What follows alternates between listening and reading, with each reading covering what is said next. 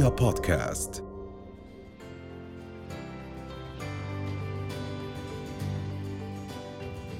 يسعد صباحكم اليوم. رح نتحدث عن مصطلح سمعناه كثيرا في الآونة الأخيرة مصطلح لعنة العقد الثامن بين الأسطورة والدلالات التاريخية. موضوع حديثنا مع الدكتور أمجد الزعبي. يسعد صباحك. وحضرتك أستاذ مشارك في تاريخ العالم الحديث والمعاصر. أهلا وسهلا. أهلا وسهلا فيكم. أول شيء صباح العزة لغزة. صباح ال- رائحة المسك الذي يفوح على يفوح من الشهداء الصاعدون نحو السماء. الله. الله. يخليك. الله. دكتور أمجد رح نروح نتابع هذا التقرير مع بعض بدنا نبلش حديثنا فلنتابع.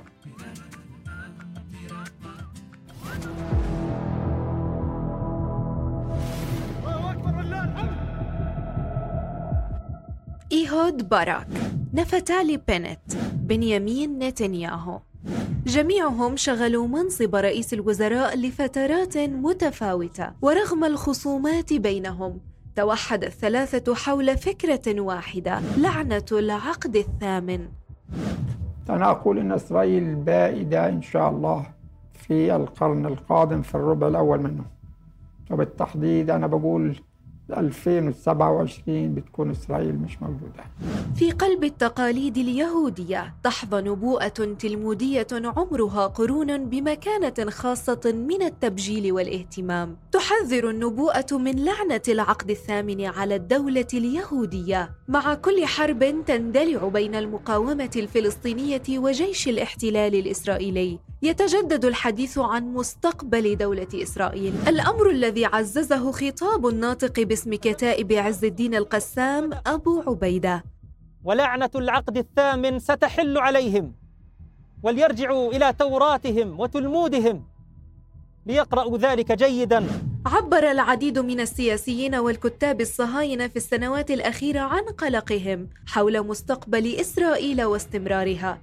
وفي العام الماضي أعرب رئيس الوزراء الإسرائيلي الأسبق إيهود باراك عن مخاوفه من لعنة العقد الثامن المرتبطة بزوال إسرائيل، مستشهدا بالتاريخ اليهودي الذي يقضي بأنه لم يكن لليهود دولة منذ أكثر من ثمانين عاماً إلا في فترتين استثنائيتين بدأتا بالتفكك خلال عقدهما الثامن. وفي مقال نشرته صحيفة يداعوت أحرنوت الإسرائيلية قال باراك على مر التاريخ اليهودي لم يكن لليهود دولة لأكثر من ثمانين عاما إلا خلال فترتين فترة الملك داود وفترة الحشمونيم. وكلاهما تميزت بداية تفككها في العقد الثامن. لافتا إلى أن التجربة الحالية للدولة اليهودية الصهيونية هي الثالثة وهي الآن في عقدها الثامن ويخشى أن تحل عليها لعنة العقد الثامن كما حلت بسابقاتها. الجنرال في الاحتياط شاول قال في مقال سابق أن إسرائيل فشلت في تحقيق وتجسيد الحلم الصهيوني، وهي تسير في طريق فقدانه وتلفظ أنفاسها الأخيرة لأنه لن يستطيع أحد وقف عملية التدمير الذاتي الداخلي الإسرائيلي. وبعض الكتاب والمحللين الإسرائيليين رأوا بأن إسرائيل توقعت زوالها لعدة أسباب منها حرب متعددة الجبهات وتفكك داخلي وناهيك عن تفشي الفساد والصراعات الداخلية بين التيارات اليهودية والصراعات الثقافية في المجتمع الإسرائيلي. سيبقى هذا الشعب الجشع مشردا ملعونا باحثا عن أرض تضمه. ولكنه لا يعلم بأن كل زاويه على هذا الكوكب لا تسعه وترفضه ولا تتقبله. شعب يخطط ويرسم مستقبلا مجهولا لا معنى ولا وجودا له.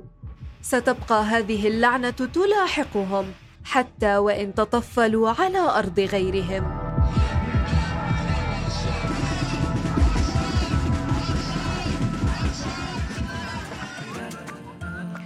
إذا دكتور من حيث انتهى التقرير سنبدأ. فكرة أنه لما يدم لليهود دولة عمرها أكثر من 80 عام تبدأ من سردية توراتية. صحيح؟ طبعا السردية التوراتية هي سردية متخيل يعني متخيل ما بين الأسطورة أو ما بين ما بين. لا دلالة تاريخية خارج إطار السردية عن وجود ما يسمى بمملكة داود وسليمان. فالحفريات الأثرية اللي قام بها اليهود حتى في دولة الكيان الصهيوني عملت بشكل كبير جدا على إثبات حقها في فلسطين وإيجاد مكان لهم في فلسطين إلى أنه كل هذه الكشوفات لم تحظى بدعم لوجود حتى مملكة داود وسليمان. نعم. هلا مملكة داود وسليمان ضمن الرواية التوراتية وبالتالي التلمودية يعني بدنا نميز بين قضيتين قضية قضية التلمود وقضية التوراة. نعم. في في القضية التلمودية بالعودة وفكرة العودة إلى الوطن القومي اليهودي أو ما يسمى وطن قومي وهو اصطلاح اصطلاح استنبطوا البريطانيين، يعني البريطانيين هم اللي استنبطوا مصطلح هذه العودة والإحياء الثالث أو ما يسمى بالإحياء الثالث. طبعا هذا الإحياء الثالث كل الكتابات التاريخية الأوروبية اعتمدت واستندت إلى الرواية التوراتية وتم المحاولة لإثبات الرواية التاريخية. هذه الرواية التاريخية اللي استند إلها الغرب عملت على تأطير تأطير الفكر التوراتي التلمودي. نعم. في إطار في إطار دراسات تاريخية. إحنا إحنا يعني لا يوجد لدينا في المشرق العربي أو في المغرب العربي مراكز لدراسة التاريخ القديم إلا كانت في دمشق أو في بغداد سابقا. ولكن الآن لدينا ندرة في ندرة نادرين على مستوى على مستوى الوطن العربي. من من يعتمد من اعتمدوا على دراسة التاريخ الحقيقي للمنطقة العربية وبالتالي خارج إطار الرواية الغربية الاستشراقية نعم. المشوهة. طبعا تم تشويهها بشكل كبير جدا. نعم. ولكن اليوم إذا بدنا نحكي قديش اليوم ممكن تكون شكلها عقلاني أو تحدث على أرض الواقع؟ الآن العقلانية أصلا هذا الكيان كيان غير عقلاني. طبعا. وغير منطقي. يعني غير منطقي ارتبط بدرجة كبيرة جدا بهذا الوجود الاستعماري. فالحركة الصهيونية حركة استعمارية إحلالية لا علاقة لها دينيا. يعني هي استندت للإرث الديني. يعني بحثت عن إرث ديني وإحيائي. ولكن هذا الإحياء ومهما كان يعني هو بيعبر عن الانقسام الداخلي داخل المجتمع الصهيوني. المجتمع الصهيوني مقسوم ما بين أشكنزم سفرديم ما بين الملونين من يسموا باليهود الملونين سواء كانوا العرب خلينا نسميهم اليهود الذين عاشوا في الوطن العربي أو من أثيوبيا أو من غيره. بالإضافة إلى الحركات الاحتجاجية الموجودة داخل حول الارتباط بفكرة وطن نعم. أصلا لا وجود لفكرة وطن حتى في ذهنية الأجيال التي تعيش حاليا وخاصة في ظل في ظل في ظل حالة استعدنا فيها في حالة طوفان الأقصى استعدنا فيها البوصلة من جديد. دائما البوصلة إلى إلى فلسطين. نعم. البوصلة الحقيقية التي نستطيع أن نميز فيها نميز فيها هي بوصلة فلسطين. يعني أنا أي أي اتجاه نحو الحق ضعوا على بوصلة فلسطين تستطيع أن تحدد اتجاه هذا الحق. نعم. وبالتالي تحديد هذه المواقف. نعم. عندما نتحدث أن هذه الأصوات هي من الداخل الذي نادت بفكرة لعنة العقد الثامن بداية من أهود باراك وأيضا اجتمع عليها أكثر من رئيس وزراء للكيان. تحدثوا عن هذه الفكرة. لما تكون المخاوف تنبع من الداخل يعني عندهم هم هذه المخاوف مربوطة بالسياق الديني والسياق التاريخي. واليوم نربط أيضا بالانقسامات الداخلية. الآن الاحتلال والمواطنين في الداخل بحسب روايتهم هم أيضا منقسمين على الإدارة وعلى الرئيس ف كيف ممكن نربط السياق الديني والتاريخي بما يحدث اليوم؟ هلا السياق الديني بالضرورة يصعد خاصة بدولة تدعي العلمانية، يعني نحن نقول بأنه إنه دولة الكيان الصهيوني دولة تدعي أنها دولة علمانية نعم. ولكنها بقوانينها وبعملية التحول نحو يهودية الدولة تطرح مفهوم عنصري أصلا يعني مفهوم فصل عنصري مقيت العالم تجاوز هذا المفهوم مفهوم العنصري داخل المجتمع المجتمع الصهيوني هلا هي تعبر بالضرورة عن أزمة وأزمة داخلية حقيقية نعم. في في في عمق المجتمع الصهيوني هذا هذه الأزمة يتم تصديرها يتم تصديرها من خلال البحث عن البحث عن عدو عدو على اعتبار أننا عدو لهذا. ودائما يمكن بستذكر مقولة للأستاذ الدكتور الله يرحمه الدكتور عبد الكريم غرايبه قال مش مشكلة إنه النظام العربي والإسلامي يقبل بهذا المشروع الصهيوني. قال أنهم لن يقبلوا بنا. وهذا لن يقبلوا بنا. هم مش قابلين فينا. هم مش قابلين فينا أصلا يعني. مم. حتى شو ما قدمنا من تطبيع و... واعتراف و... والى آخره لن يقبلوا بنا. نعم. وهذه الحقيقة بتأكد ب... ب- بتقودنا إلى مسألة مسألة هذا الموقف الذي أعاد القضية إلى نقطة صفرها. نعم. بأن هذا الكيان هو كيان غاصب وإلى زوال. نعم. تمام. ولكن خلينا نتحدث عن آه، هذه اللعنة منذ بدايتها. متى بدأت؟ وكيف حدثت للمرة الأولى؟ وكيف حدثت للمرة الثانية؟ واليوم التنبؤات أنها ستحدث آه، بمرة ثالثة. الآن هم بيعتقدوا انهم الآن في المرحلة الثالثة أو المملكة الثالثة. تمام شو على اعتبار المملكة؟ على اعتبار إنه المملكة الأولى هي مملكة داوود وسليمان. على اعتبار وهي سردية بأكدها مرة ثانية سردية توراتية تلمودية. والمملكة الثانية هي المملكة الحشمونية. مملكة داوود انتهت على اعتبار. هي أحيانا بالمتخيل الصهيوني هي إمبراطورية. نعم. إمبراطورية. ولكن إمبراطورية بدون اثر ما بعرف كيف إنه كيف إمبراطورية لم تترك اثرا. مم. آه، حتى في القرآن الكريم عند الحديث عن آه، سيدنا داود وسيدنا سليمان لا حديث عن مكان. يعني ما في عندي مكان موجود آه، يتحدث فيه القرآن الكريم عن مسألة مسألة وجود مملكة داود وسليمان. نعم. وإنما يعني حتى سبق وحتى على افتراض الهدهد اللي اللي اللي كان. يعني قديش بده يطير الهدهد؟ يعني إذا كان من من آه، بده يطير في سبق في اليمن. بده يطير بده يطير بي- بيقدر يقطع هذه الصحراء الكاملة ويوصل ل من من فلسطين لليمن في في يوم. هذا غير منطقي وغير غير وإنما هي رواية آه، رواية تلموديه تحاول إنه تأكد على المملكة الثانية هي المملكة الحشمونية. نعم. والمملكة الحشمونية إلى أسرة إلى أسرة عاشت 142 مي- قبل الميلاد على اعتبار إنه هذا التاريخ مم. صحيح 142 لغاية 70 قبل الميلاد وهي في 82 سنه على اعتبار العقد الثامن. نعم. انتهت بالعقد الثامن. نتيجة نتيجة نتيجة الانقسامات الداخلية وانقسام المملكة الأولى اللي هي مملكة آه، داود وسليمان. ما بعد داود ما بعد سليمان انقسمت الدولة. نعم. والحشمونيين ذابوا في الإمبراطورية الرومانية. فاحنا الآن لو إجينا بدنا نفترض على افتراض على هذا الافتراض إنه لدينا 80 سنة و80 سنة 160 سنة بدي أفترض إنه صح. نعم. 160 سنة ما بشكلوا في عمر أريحة اللي هي أقدم مدينة للتاريخ. طبعا. آه 7000 قبل الميلاد. نعم. 7000 إذا بدي أفترض إنه الكنعانيين والإثباتات الأثرية والتاريخية إنه ما بين 3000 إلى 3500 قبل الميلاد. يعني 5500 سنة عمرنا بهذه الأرض. مم. يعني عمرنا في هذه الأرض أكثر من 5500 سنه ال 100 ال 160 سنة اللي أنتم بت- بتحكوا فيها وبدكم تشكلوا فيها وطنكم فيها. بي- بي- بتشكل نسبة من التاريخ قديش. لا لا تدعوا بالحق العودة يعني. نعم.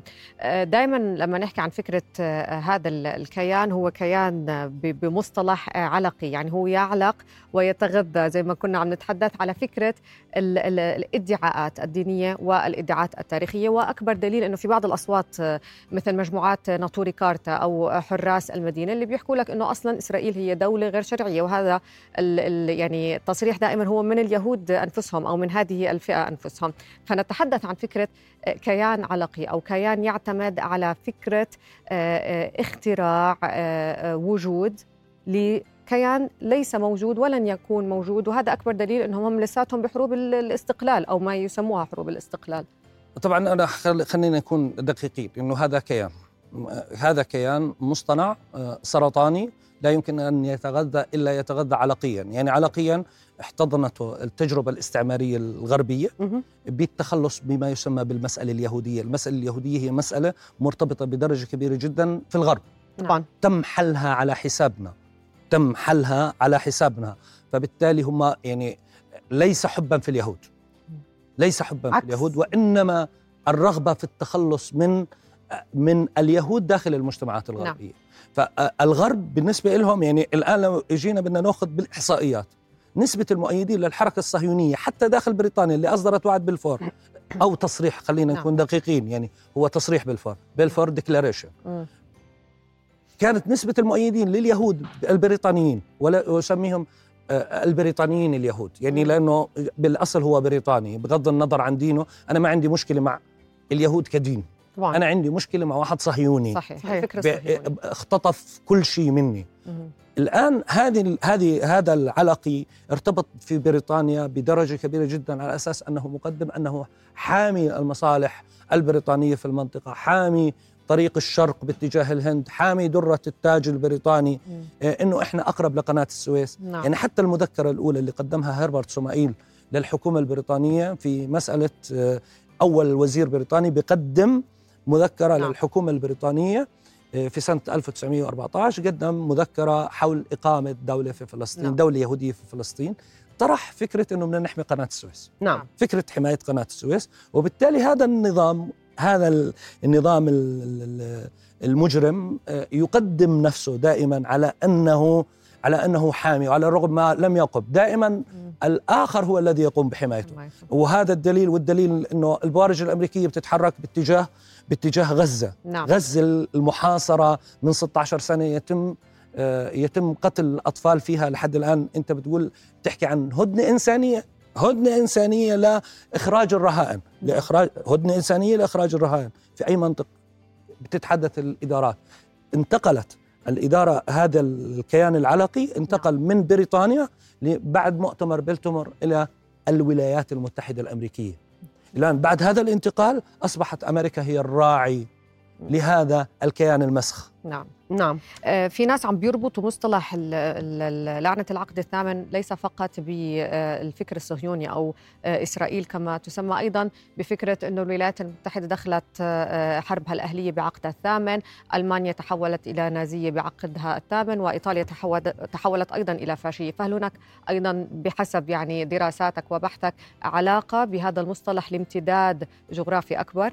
يعني هو كل الدراسات التاريخية بتأكد على فكره على الفكرة هلا الفكرة التنبؤية بفكره بفكرة البحث بأصول آه، سواء كانت توراتية أو دينية حول آه، الزوال والنهاية، الزوال والنهاية له اسبابه، مم. حتى دينيا آه، له أسباب، يعني نعم. ما ممكن نوصل لمرحلة الزوال والنهاية إلا باجتماع مجموعة من الأسباب التي تؤدي إلى الزوال والنهاية.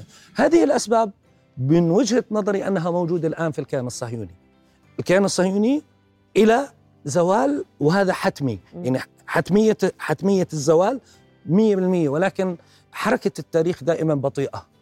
نحن لا نقرأ التاريخ بطريقة صحيحة آه، ال- ال- الآن آه، ويليام السوري م- آه، اللي هو مؤرخ الحملات الصليبية يقول مقولته إنه عندما قدمت من جنوب أوروبا من سواحل إيطاليا باتجاه سواحل باتجاه الساحل السوري ويسميه الساحل السوري من أنطاكيا حتى عسقلان جنوبا.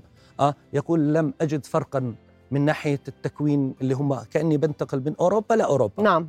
فبالتالي أين ذهب العرب في تلك الفترة؟ مهم. آخر أخ يعني إحنا بنيجي بنقول 1096 ل 1291 اللي هو آخر معقل للصليبية في الساحل السوري اللي هو عكا. نعم نعم. وخرجوا وكأن لم يكونوا. نعم. خرجوا وكأن لم يكونوا. على الرغم من أن الظروف في الفترة الصليبية ظروف العرب نعم. والمحيط كانت أسوأ بكثير. أسوأ بكثير تحالف الأخ ضد أخوه يعني حاكم دمشق تحالف ضد حاكم نعم. الموصل نعم. نعم يعني دكتور زي ما قلت لك تحت الهواء إحنا لو نحكي عن هذا الموضوع بدنا بدنا فيه ثلاث ساعات شكرا جزيلا لوجودك معنا دكتور أمجد العفو. وأهلا وسهلا وشكرا للفرصة هذه اللي الله التقيت فيكم في والتقيت مع شكرا جمهوركم شكرا الله جزيلا يسلمك. شرفنا رؤيا بودكاست